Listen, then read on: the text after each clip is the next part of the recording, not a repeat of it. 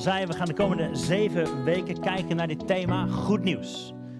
We hebben daarbij dus een trainingsdag, hè, 30 oktober. We hebben na die 30 oktober willen we ook heel praktisch aan de gang. Gaan we wat events plannen? Hoe gaan we de straat op of andere activiteiten ontplooien om dit goede nieuws naar buiten te brengen? Dus dat gaan we ook met elkaar doen. We gaan als onderdeel van deze zeven weken ook een 5 keer 5 preek doen. Hè. doen we wel vaker.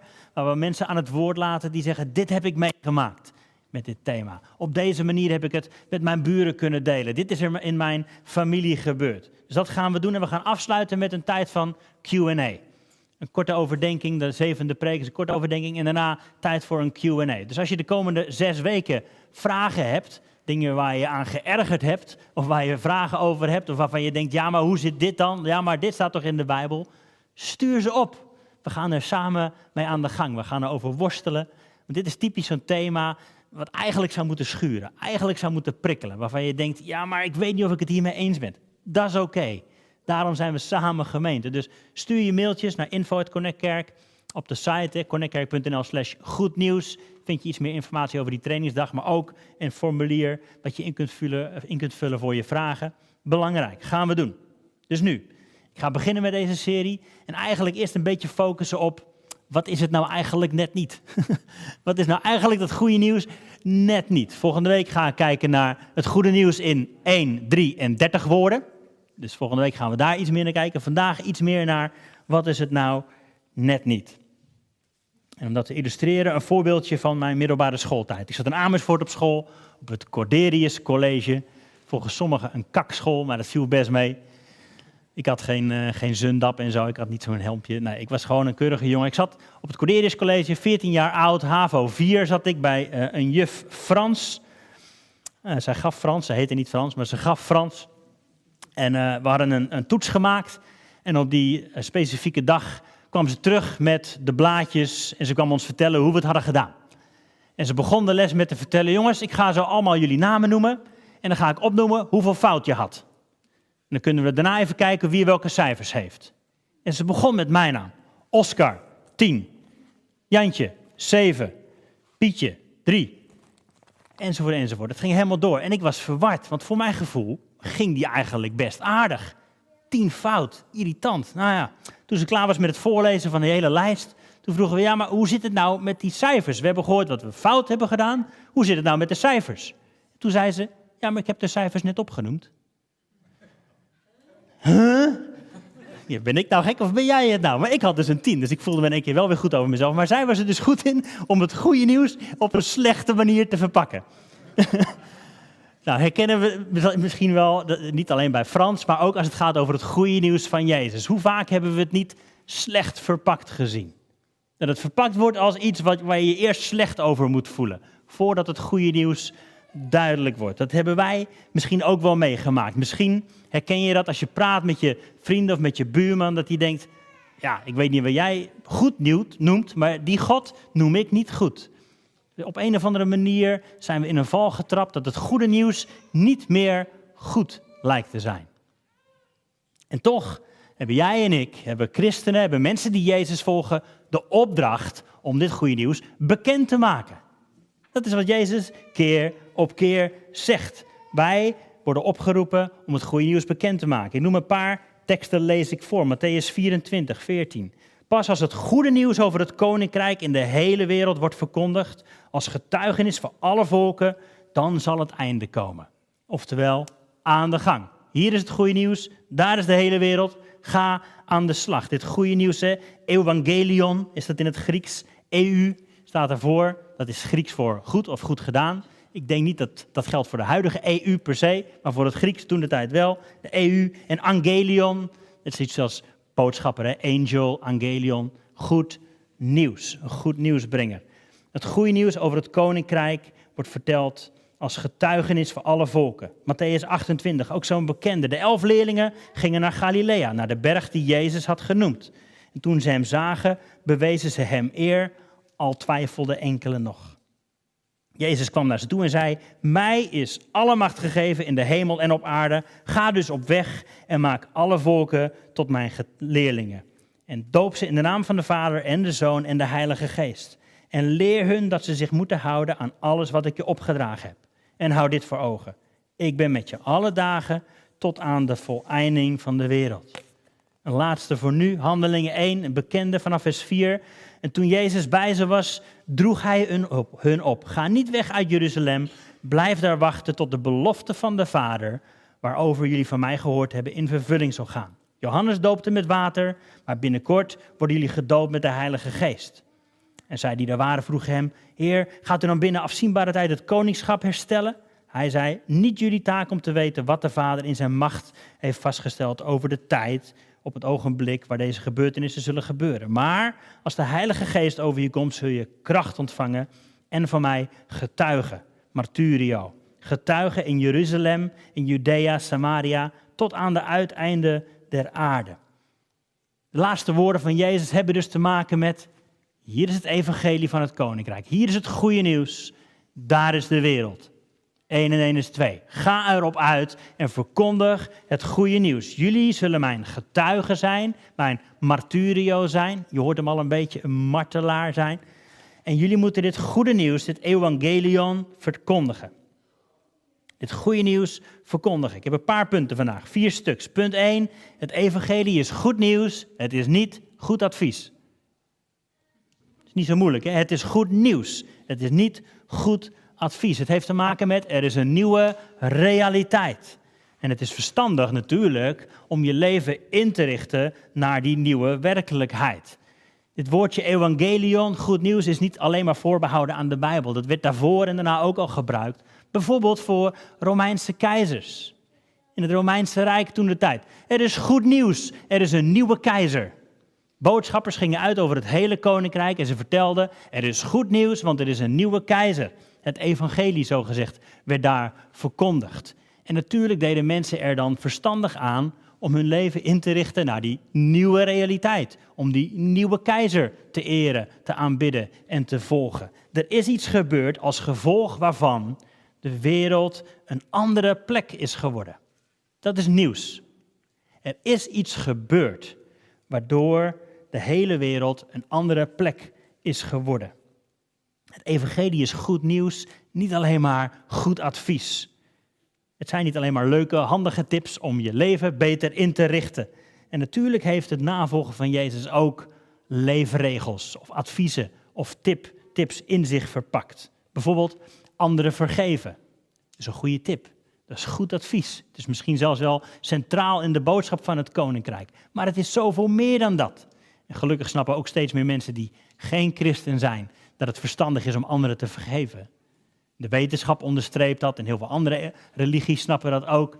Maar er is zoveel meer dan alleen maar dat soort goede tips ter harte nemen. Het is ook veel meer dan pas deze tips toe voor een gelukkig leven. Toch?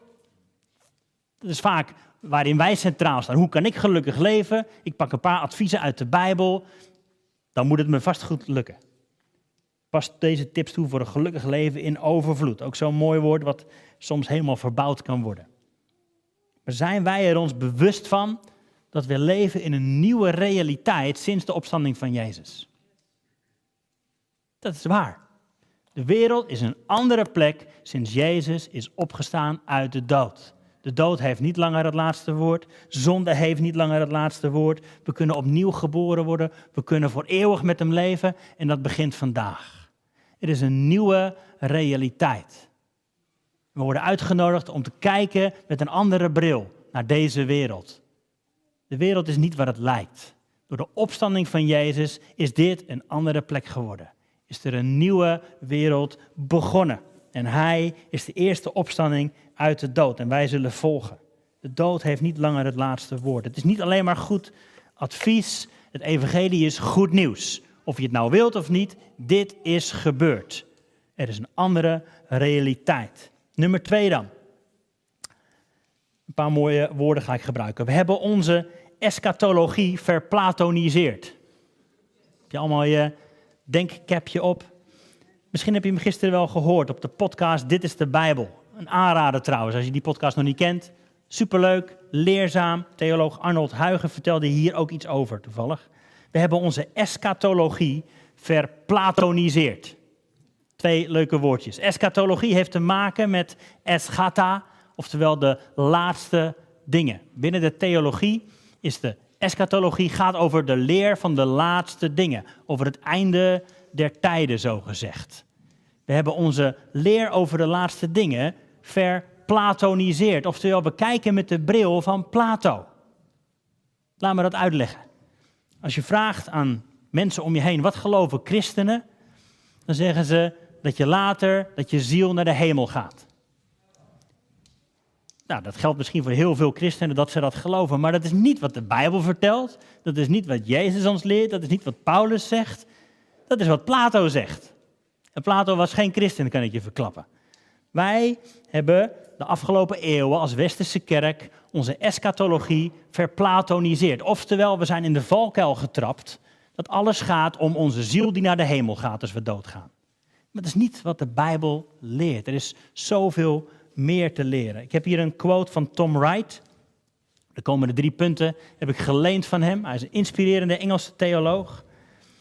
En in uh, zijn boek The Day the Revolution Began. Schitterend boek. Specifiek dit punt komt uit zijn boek Surprised by Hope. Over een hoopvolle toekomst. Hij zegt dit. De vroege en invloedrijke filosoof Plato leerde dat alle materie slecht is. En alleen het spirituele goed. Misschien keer het wel van het woordje platonische relatie. Dat zijn mensen die wel samen zijn, maar geen intimiteit of fysiek contact hebben. Plato leerde dat materie slecht is en alleen het spirituele goed. Dus het is niet Jezus die dat noemt. God zei, het is goed toen hij de wereld maakte, toen hij jou en mij maakte. Wij, zegt Tom Wright, wij moeten onze roeping herontdekken om de uiteindelijke bestemming van de verloste mensheid te begrijpen. Dat is een opstanding en nieuw leven op een nieuwe aarde die God beloofde te vestigen aan het eind van deze tijd. En in plaats daarvan hebben we genoegen genomen met een platonische, laatste onstoffelijke staat van naar de hemel gaan als we sterven. En je kent het wel, die tekeningetjes met engeltjes en wolken en harpjes. Hoe saai is dat?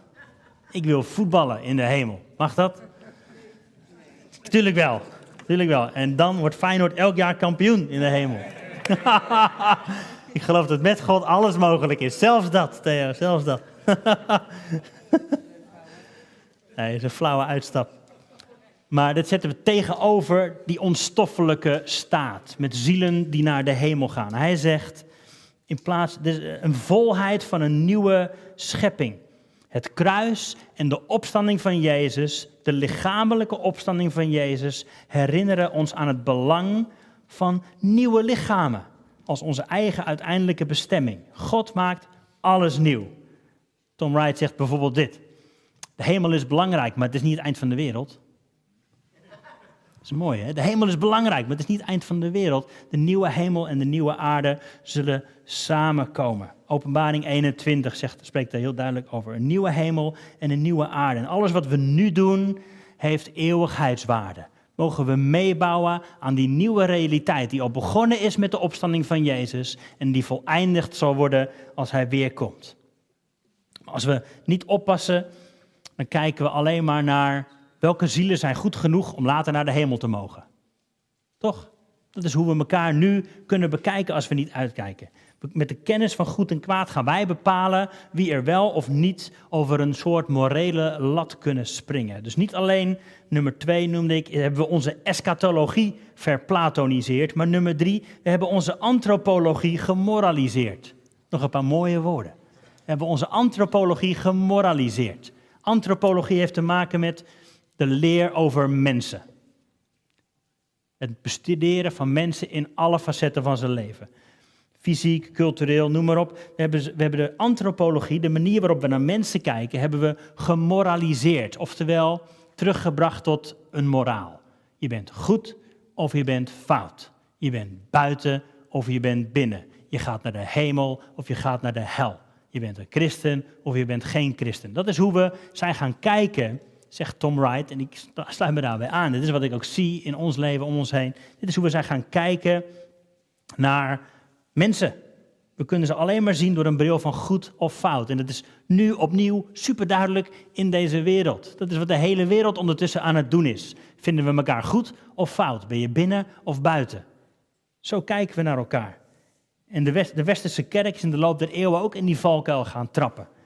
Omdat we zijn gaan denken dat het alleen maar gaat om een verloste ziel die naar de hemel gaat. Een ziel die goed genoeg is om naar de hemel te gaan. Vergeten we dat we juist iets veel belangrijkers te doen hebben. Namelijk, en daar hebben we het eerder een heel jaar lang over gehad. Jij en ik zijn koninklijke priesters op deze aarde. We hebben een taak die hier alleen op aarde kan gebeuren. We hebben een taak en dat is als koninklijke priester, we zijn zoons en dochters van God, die Hem eren en aanbidden en Hem weer spiegelen op aarde. Die Hem dienen en daardoor mensen dienen en bereiken met het goede nieuws. Wij zijn koninklijke priesters. Wij manifesteren Zijn aanwezigheid op aarde. Op elk gebied van het leven. En natuurlijk hoort daar de juiste dingen doen bij.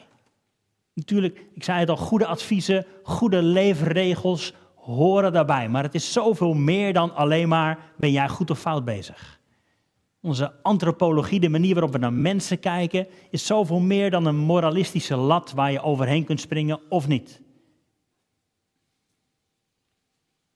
Dat was nummer twee. Nummer drie heeft daarmee te maken, want we kunnen niet over die lat heen springen als mensen. Uiteindelijk weten we, falen we allemaal, zijn we nooit moreel perfect. En daarom wat we hebben gedaan, is we hebben onze, let op, leuk woord, soteriologie verheidenst. Ben je er nog? soteriologie, dat is een mooi woord. Leren uit je hoofd. Heeft te maken met soter. Nou, die ken je misschien wel als je het... De ichters heb je wel eens gezien, toch? Zo'n visje. De ichters, zijn die ook mensen die op ichters uh, studentenvereniging zitten of hebben gezeten. Ichtus is een afkorting, een acroniem. Die I, X, T, H, I en S. Dat staat er zeg maar, in het Grieks. De I is van Jezus. De X is van Christos, de CH. Dan de T is van Theo, God. En de Y is van Huos, zoon. En de S is van Soter. Dus Ichtus is Jezus Christus, zoon van God, redder. De S is soter, soteriologie. Heeft dus te maken met redding. Hoe worden jij en ik gered? We kunnen niet over die lat heen springen. We hebben het nodig dat iemand ons redt. En daarom hebben we onze soteriologie verheidenst. Want wat is er gebeurd? Heidenen, dat is misschien wel een bekende term. Dat is een soort van mensen die geen christen zijn, mensen die buiten staan, mensen die niet in God geloven. De kerk heeft altijd al geleerd dat het kruis centraal staat in onze redding. Centraal in onze redding. Hoe kunnen we gered worden? Door het kruis van Jezus. Jezus stierf om zijn leven te geven voor ons. Dat is Bijbel, dat is waarheid. Voor altijd en eeuwig. Maar wat we gedaan hebben is dat we denken dat God een boze God is. En dat er bloed moet vloeien voordat hij ons kan vergeven.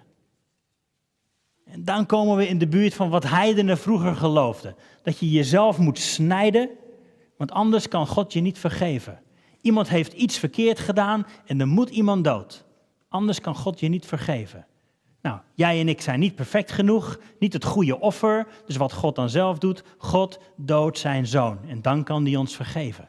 Dat is het verhaal wat misschien wij zijn geloven in de afgelopen eeuwen. En daarmee snap ik heel goed dat mensen zeggen, als dat een goede God is, ah, dan hoeft het voor mij niet zo. Als mijn kinderen iets fout hebben gedaan, vergeef ik het ze. Zonder iemand te straffen per se daarvoor, of dood te maken zelfs. God kan vergeven. En dit is iets, denk ik, waar het belangrijk is om mee te worstelen. Waarom zijn we dit gaan geloven? Wat is er nou eigenlijk gebeurd aan het kruis? We zongen het net nog. U heeft voor onze vrijheid betaald. Hoe zien we dat dan? Aan wie heeft Jezus die schuld betaald? Ik wil je vragen, ga daar opnieuw mee worstelen. Want misschien zit je ook wel in die gedachte, God was boos, er moest iemand dood. Dat kan hè, misschien ben je dat gaan geloven. En misschien prikkelt dit wel wat. Misschien denk je, ja maar hoe zit het dan wel? gaan we de komende weken naar kijken. Lees erover, bid ervoor. Leer opnieuw kijken, wie is Jezus? Wat zegt de Bijbel? Wat gebeurde er aan het kruis? Welk beeld wordt er gebruikt voor het kruis? Welke hoeveelheid van beelden? Wat kunnen we leren over God door te kijken naar het kruis. Dus als we niet uitkijken, hebben we onze soteriologie verheidenst. Kijken we naar onze redding op een heidense manier, in plaats van een bijbelse manier, in plaats van door de lens van het kruis. Dat is wat ik je wil aanmoedigen om te doen, om alles te bekijken door de lens van het kruis. Door te zien wie Jezus is, hoe goed Hij is.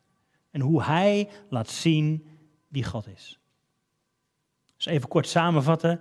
Punt 1 was, het evangelie is goed nieuws, niet goed advies. Pas op dat je, punt 2, je eschatologie niet verplatoniseert. Dat je niet gaat kijken naar de eindtijd als alleen maar zieltjes die naar de hemel gaan. Het is rijker. Pas op dat je je antropologie niet moraliseert. Dat je niet alleen maar naar mensen kijkt als ben je goed of fout. Er is zoveel meer. En als laatste, nummer vier, kijk uit dat je je soteriologie niet verheidenst. Er is zoveel meer. Het goede nieuws is zoveel beter. God is zoveel beter, mooier, groter, sterker dan de beperkte manier waarop wij soms naar hem kijken. En ik hoop dat je de komende weken opgerekt wordt. Dat je passie voor het goede nieuws aangewakkerd wordt. Dat je meer gaat zien, misschien voor het eerst, misschien voor de tiende keer. God, u bent beter dan dit. Wilt u mijn denken vernieuwen? Wilt u mijn denken vernieuwen? Het betekent misschien, met een mooi woord, dat je aan de gang mag gaan met deconstructie. Ook al mensen in je omgeving die daarmee bezig zijn, deconstruction. Dat betekent het, afbouwen, het afbreken van verkeerde gedachten. Dat is waar de kerk tegenwoordig vol mee zit. Met mensen die afscheid aan het nemen zijn van beelden van God waar ze niks meer mee kunnen. Als jij altijd opgevoed bent of opgegroeid bent met het idee dat God een boze God is, dan is het misschien tijd voor deconstructie. Nou vind ik zelf deconstructie wat agressief klinken. We moeten iets afbreken. Ik vind wat Brian Zahn zegt daar veel mooier voor. Het is tijd voor restauratie. Restauratie. Er is een schitterend beeld, een schitterend schilderij waar overheen gekladderd is in de loop der eeuwen. Misschien ook in jouw leven. Misschien door je opvoeding of de plek waar je opgegroeid bent. Misschien door onze cultuur, door keuzes die gemaakt zijn door of voor jou. Het is tijd voor restauratie. Laten we die lelijke lagen eraf halen en gaan zien wat daaronder het goede nieuws van het koninkrijk van Jezus is. Misschien is het tijd voor restauratie voor jou.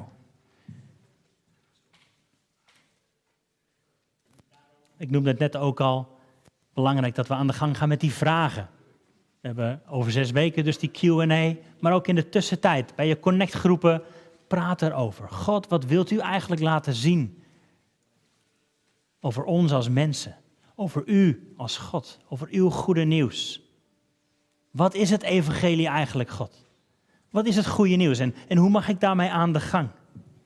Dus een paar praktische dingetjes waar ik mee af wil sluiten. Marcus 1, vers 1. Misschien kun je die erbij pakken. Het begin van het evangelie van Jezus Christus, Zoon van God. Dat staat in het boek Marcus 1, vers 1. Dit is het begin van het evangelie van Jezus Christus, Zoon van God. Praktische opdracht voor deze week. Lees Marcus. Dan leer je iets van het evangelie van Jezus Christus, Zoon van God. Volgende week, zei ik al, gaan we aan de gang met het evangelie in 1, 33 woorden. Dat, is, dat zijn wat geheugensteuntjes, maar het is zoveel meer dan dat. Dus ik zou je willen vragen, ga die alvast lezen, Marcus 1. En ik wil je gaan vragen om nu te gaan staan. Dan ga ik dit afsluiten. Dan gaan we zo nog een lied zingen.